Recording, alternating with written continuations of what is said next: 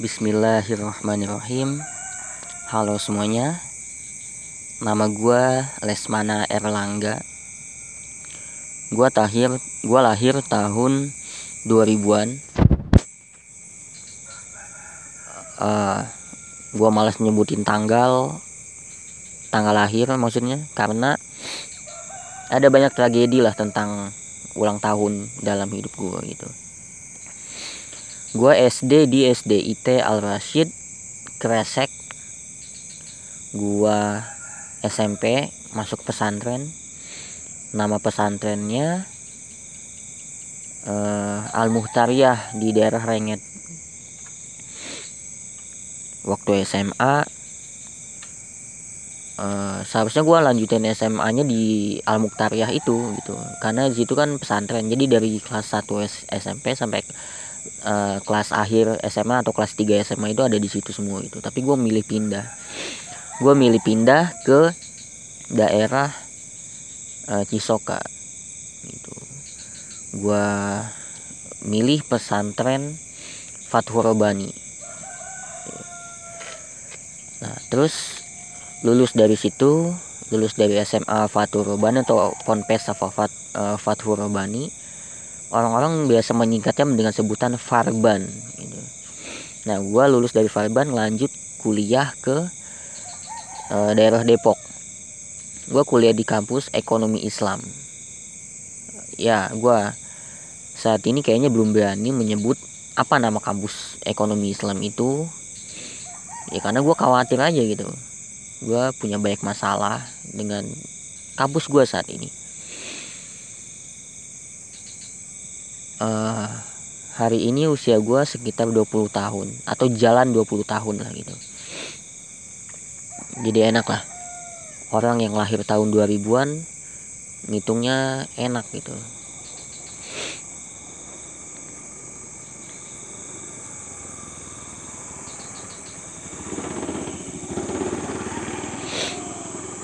Sorry ada iklan ya setiap beberapa kali mungkin akan ada iklan. Karena gue bikin bikin rekaman ini subuh subuh abis sholat subuh gue nongkrong di pinggir jalan yang agak sepi tapi tetap aja ada motor lewat gitu.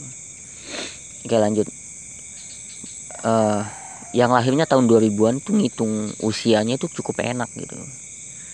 Sekarang tahun 2021 misalnya ya tinggal dihitung aja 2021 dikurang 2000 maka hasilnya adalah 21 berarti umur gue sekitar 21 atau mungkin 20 tahun lah gitu. Ya kalau nanti 2024 atau mungkin 2025 umur gue sekitar 24 atau 25 nanti di 2060 saat gue udah kakek-kakek gitu ya dengan segala macam teknologinya yang gila umur gue ya 60 tahun juga. 2060 kebayang nggak tuh? Sekarang 2021 terus nanti 2060 yang konon katanya ada ada uh, waktu 2013 kalau nggak salah. Iya 2013 itu ada kiamat katanya. Eh atau 2012 itu pada saat gua SD kelas 6 atau pengen masuk ke SMP lah kelas 1 gitu. Segitu oke. Uh, banyak lah tragedi yang yang seharusnya gue ceritain pengalaman-pengalaman pahit. Gue nggak tahu kenapa malah ingatan-ingatan yang gak enak yang lebih banyak gue ingat gitu yang lebih banyak gue simpen ingatan-ingatan menyenangkan itu malah lebih nggak tahu kenapa hilang aja gitu. Meskipun ada gitu ingatan itu kalau digali lagi kalau diingat lagi tetap ada hal-hal yang menyenangkan gitu.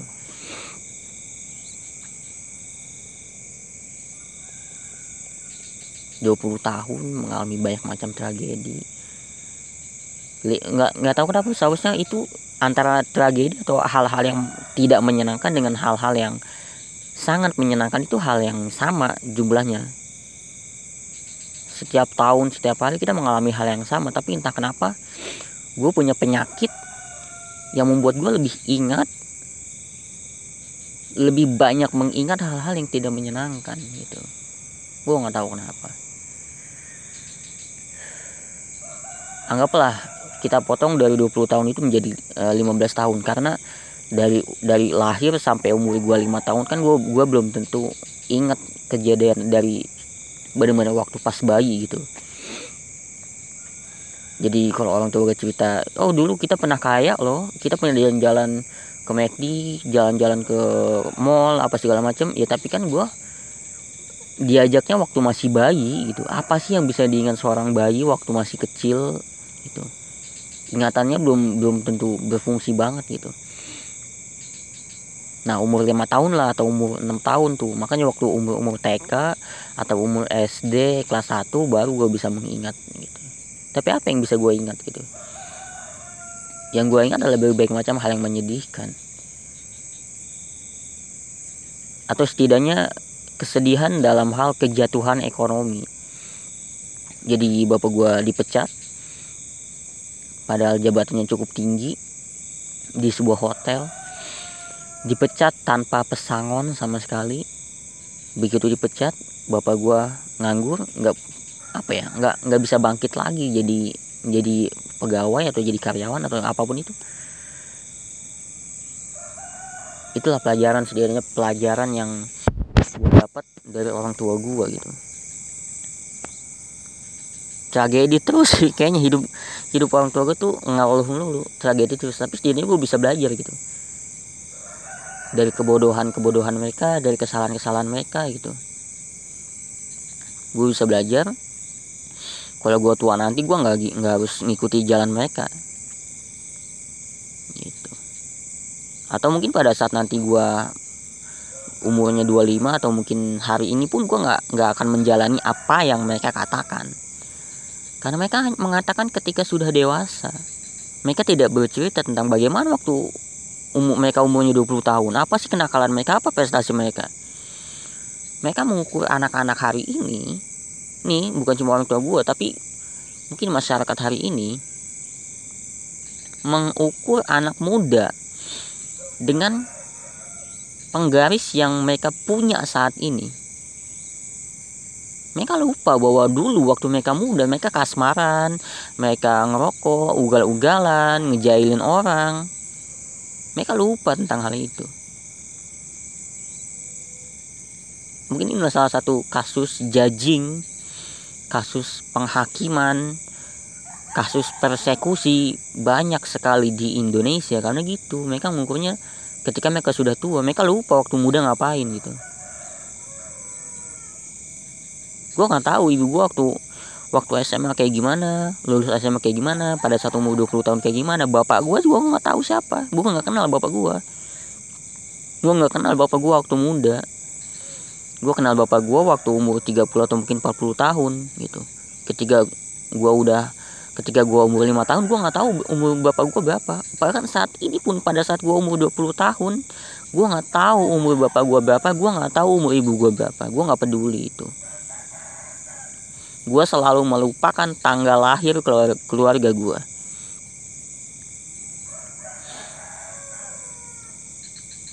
gue ibarat lahir dalam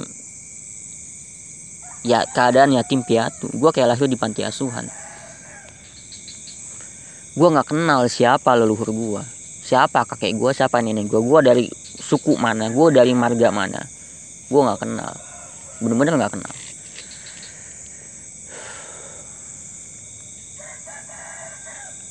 dua hal yang mungkin pengen gue bantah bahwa kita nggak harus berbakti kepada orang tua gitu.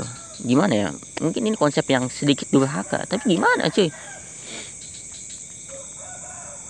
Kalau mau lu mau bilang durhaka ya Nabi Musa pun durhaka seharusnya. Fir'aun itu orang tua dia. Ya meskipun bukan lahir dari istrinya Fir'aun tapi kan dia diangkat menjadi anaknya Fir'aun sampai dewasa sampai remaja.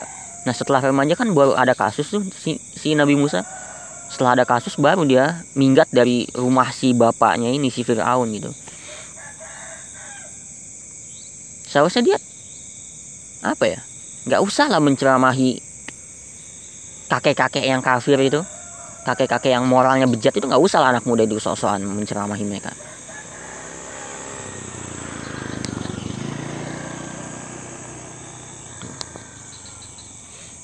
ya Ih gara-gara Musa Fir'aun jadi mati tenggelam kan?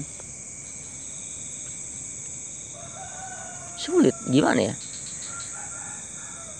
Gue masih belajar bagaimana cara berdamai dengan orang tua yang begini gitu. Lu pikir orang tua semua orang tua baik? Enggak lu pikir Fir'aun itu bukan orang tua. Fir'aun itu orang tuanya Nabi Musa.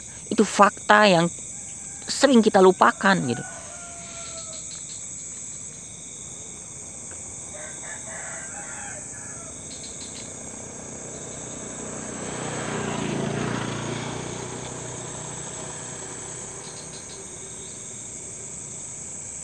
kita selalu pikir bahwa manusia itu atau orang tua manusia adalah makhluk yang penyayang. Segalak-galaknya harimau atau singa dia nggak akan makan anaknya sendiri. Itu bohong.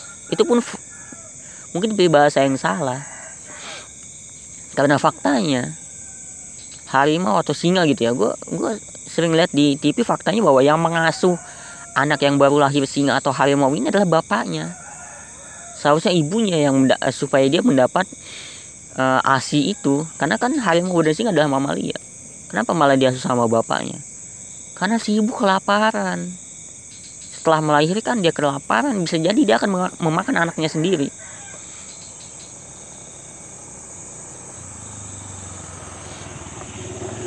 Kita lupa bahwa manusia juga mamalia. Bukan cuma mamalia manusia ada mamalia yang predator sebagai orang tua tetap bisa memakan harta anaknya dengan cara yang benar-benar buruk gitu. Kalau itu dalam hal harta ini dalam hal psikis gue nggak ada kasih sayang dalam keluarga gue bro gue sakit bukan gak usah lah dikasih kata-kata support kata-kata kasih sayang. Setidaknya jangan dibentak jangan dimarahi. Gue sakit malah dibentak bro. Gue malah dimarahi malah dimaki-maki. Lu pikir semua keluarga itu enak? Enggak lu pikir semua keluarga itu uh, happy family. Enggak bro. Orang miskin malah lebih banyak penderitaan. Bukan penderitaan secara ekonomi karena nggak bisa makan atau tidur nggak nyenyak tapi penderitaan karena psikis. Selalu dimarahi selalu dibentak. Meskipun gak dipukul tetap aja bro.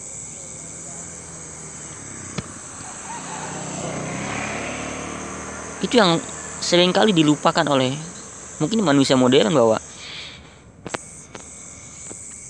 manusia juga bisa terluka bukan cuma karena fisik. Manusia juga bisa terluka karena psikis. Manusia punya perasaan.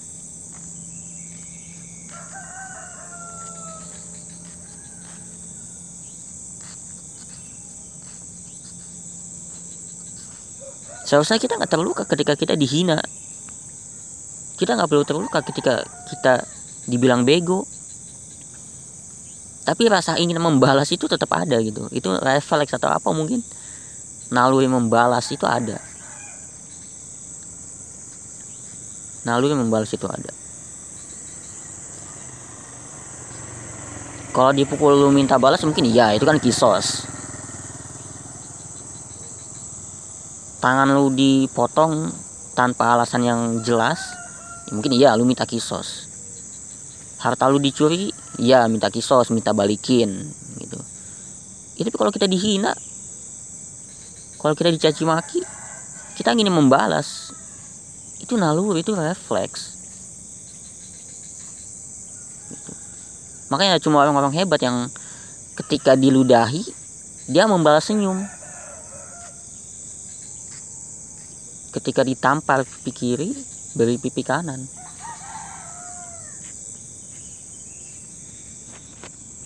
itu cuma orang-orang hebat gitu.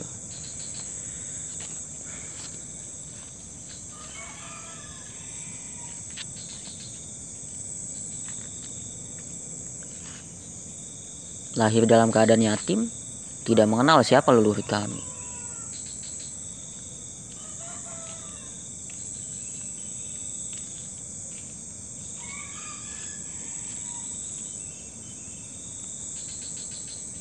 ayah saya orang Jawa. Ibu saya orang Sulawesi. Nenek saya orang Kalimantan. Dan nenek saya masih masih ada garis keturunan dengan orang-orang Aceh. Saat ini saya tinggal di Kabupaten Tangerang di daerah Banten. Pernah tinggal di Jakarta pada masa kuliah tapi saya kuliahnya di Depok. Di daerah perbatasan dengan daerah Bogor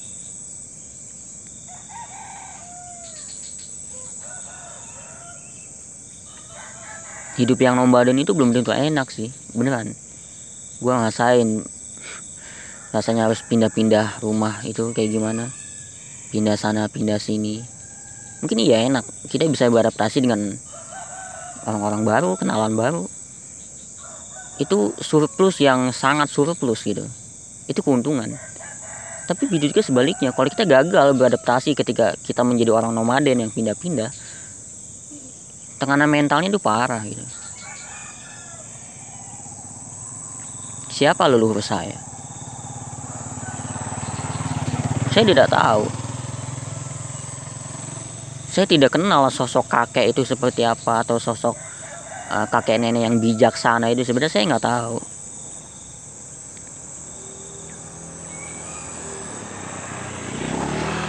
Yang saya kenal hari ini adalah seorang nenek iya. Nenek dari pihak ibu maupun nenek dari pihak ayah. Dua-duanya udah nenek-nenek lah gitu.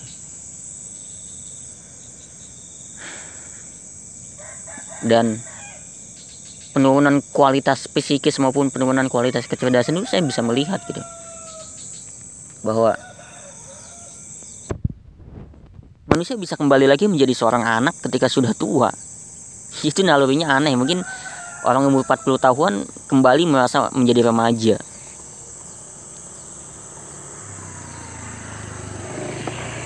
Makanya ada istilah apa uh, second seventeen atau apalah istilahnya itu. Jadi ketika sudah tua udah jadi om-om punya banyak uang malah kembali mencari pasangan akhirnya terjadilah selingkuh terjadilah uh, poligami gitu kegagalan. Banyak banget kegagalan yang gue alami. Setidaknya di umur 19 tahun gue mengalami tiga bencana kehidupan. Depresi berpikir ingin bunuh diri dan menjadi ateis. Ya gila sih. Uh, uh, apa ulang tahun gue yang ke 19 ada saudara atau uh, apa ya istilahnya bibi lah atau tante. Ya, jadi saudaranya uh, bapak gua meninggal. Oh shit man itu. Baru aja jadi kan gue punya madu nih. Dia uh, gue uh, gue pengen ngasih madu atau mungkin ada ada ada keluarga gue juga yang minta madu ke gue buat ngobatin tante gue yang meninggal ini gitu yang punya penyakit diabetes. Siangnya minta madu malamnya dibalikin lagi. Loh kenapa dibalikin? Ya udah meninggal. Oh ya Allah. Siang minta madu malamnya udah meninggal. Jadi belum sempet diminum tuh madu. Gitu. ya sudah lah besoknya kan akhirnya gue kan ikut pemakamannya juga gitu. Ya. Ketika gue nggak tahu ya gue nggak bisa nangis kalau ada keluarga gue yang meninggal gitu. Ada pengen ada pengen rasa senang gitu. Kematian itu menyenangkan bagi orang lain. Tapi gimana ya mungkin ini memang gak normal. Gue tahu gue gak normal. Seharusnya kalau ada keluarga gue meninggal gue nggak gue harusnya sedih dan nggak boleh seneng tapi gue nggak gimana ya gue nggak bisa menunjukkan kesenangan gue ketika keluarga gue meninggal gitu di depan orang-orang yang lagi ngelayat orang-orang yang warga kampung yang datang ke rumah gue gitu bela sungkawa gue nggak bisa. Gue nggak tahu kenapa nggak nggak tahu aja gue sulit membayangkan menangis gitu. Gue nggak tahu mungkin gue bisa jadi nangis tapi gimana ya? Prediksi gue enggak biasa aja gue nggak bisa nangis tapi gue juga nggak boleh seneng. Jadi ya standar aja biasa-biasa aja. Nggak bisa. Ya mungkin karena nggak ada ikatan emosional ikatan batin itu nggak ada di keluarga gue huh. Bayangin ya. Iya iya iya iya ya. gue awalnya pengen bunuh diri pengen doang ya. Berpikir gimana caranya enak bunuh diri. Tapi gue orangnya males ya melukai melukai diri sendiri itu ah nggak seru lah. Beset-beset nadi pakai kaca pakai pisau udah bunuh diri atau kayak sepuku harakiri gitu. Gantung diri enggak itu bukan karakter gue gitu. Eh, mungkin jadi gelandangan masih oke lah.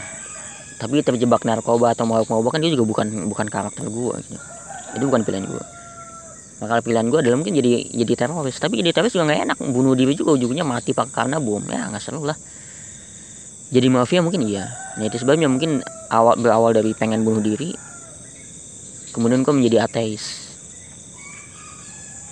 Gue nggak butuh agama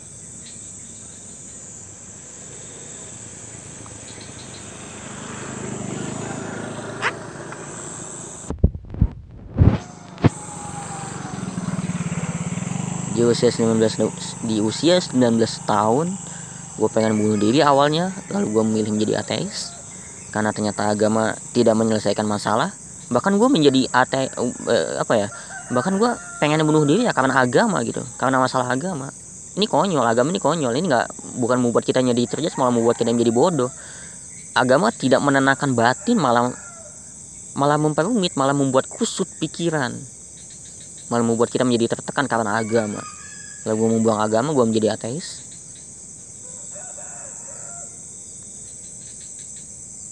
Pengen bunuh diri kemudian menjadi ateis dan akhirnya gue berharap menjadi orang gila aja. Kayaknya enak jadi orang gila deh.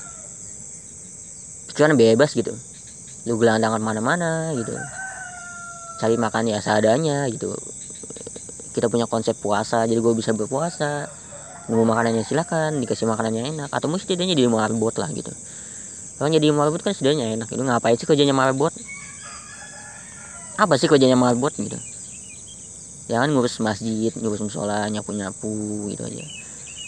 Makanan eh, setidaknya dapat makanan lah. Sehari sekali atau mungkin sehari dua kali jadi bisa berpuasa terus setiap hari jadi marbot.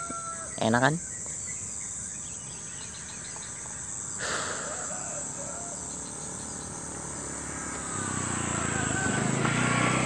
pada suatu titik gue mengalami tipping point. Gue memilih kembali ke pesantren. Awalnya iya tenang ke pesantren. Ke pesantren Fatur Bani yang kan gue SMA nya di situ. Jadi gue setelah menjadi ateis setelah menjadi depresi dan pengen bunuh diri ke mana lagi gue harus pergi? Ya setidaknya gue konsultasi dengan kepala sekolah SMA gue karena dia pernah belajar psikologi ya gue curhatlah ke dia. Gue pengen ngabdi di sini. Ya tetap aja ada masalah juga bro. Akhirnya gue dipecat. Gue dipecat dengan cara yang tidak langsung gitu.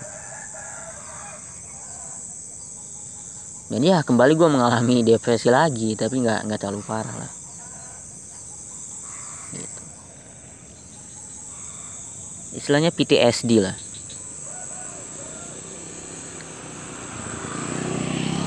pada saat dipecat dari pesantren ya jadi gue kerja juga di pesantren gitu. Jadi jadi guru lah gitu.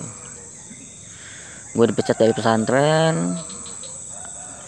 Pada saat dipecat itu gue nggak mengalami apa-apa nyantai aja gitu. Mungkin karena pengaruh minimalisme juga gitu. Jadi nyantai ya ya udahlah pulang gitu sebulan atau mungkin seminggu dua minggu ya nyantai nyantai lah. Gue masih main game main apa namanya CS Counter Strike masih main CS di laptop. Sebulan mulai mulai gue jadi stres kembali gitu. Hmm. ya tapi setidaknya gue mengalami tipping point lah selama di pesantren. Gue beli buku Robert Kiyosaki dua buku Robert Kiyosaki uh, yang pertama judulnya Before You Quit Your Job sebelum kamu keluar dari pekerjaan. Terus yang kedua Why C uh, Why Student A atau Why A Student Work for C Student. Kenapa orang yang nilainya A orang yang cerdas malah bekerja untuk orang yang bodoh? Orang yang nilainya C.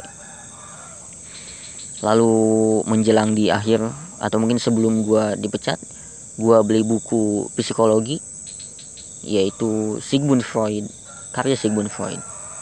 Empat buku yang gue beli. Uh, Introduction to Psycho uh, to Psychoanalysis ya punya uh, pengantar psikoanalisis. Yang kedua psikopatologi dalam kehidupan sehari-hari. Yang ketiga ego dan id atau id dan ego.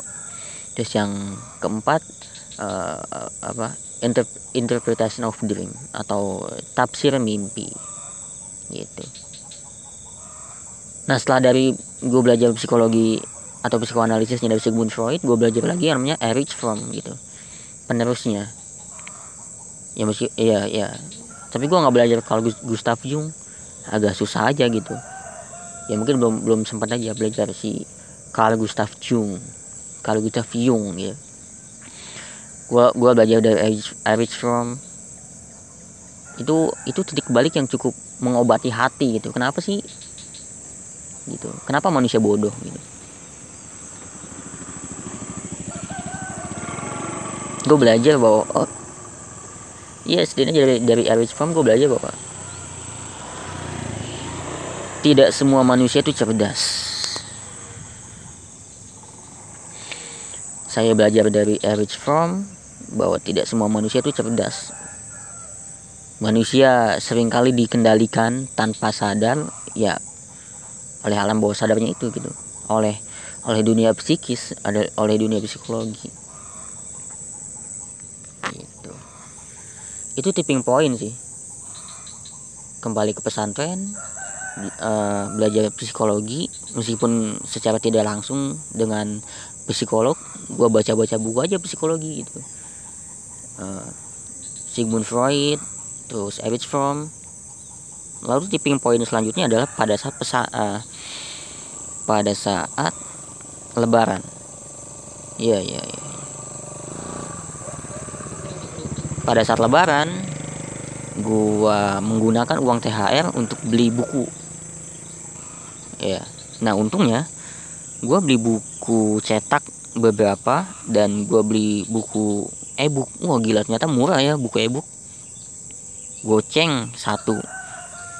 Ya lima ribu satu. Ya gue beli aja. Beli berapa waktu itu ya beli 10 atau beli berapa gitu. Ya pokoknya gue beli gitulah banyak lah beli buku. Gue beli buku Robert Kiyosaki terus gue beli bukunya Napoleon Hill gitu. Terus gue beli buku uh, uh, uh, Fumitake Koga kalau nggak salah. Iya iya.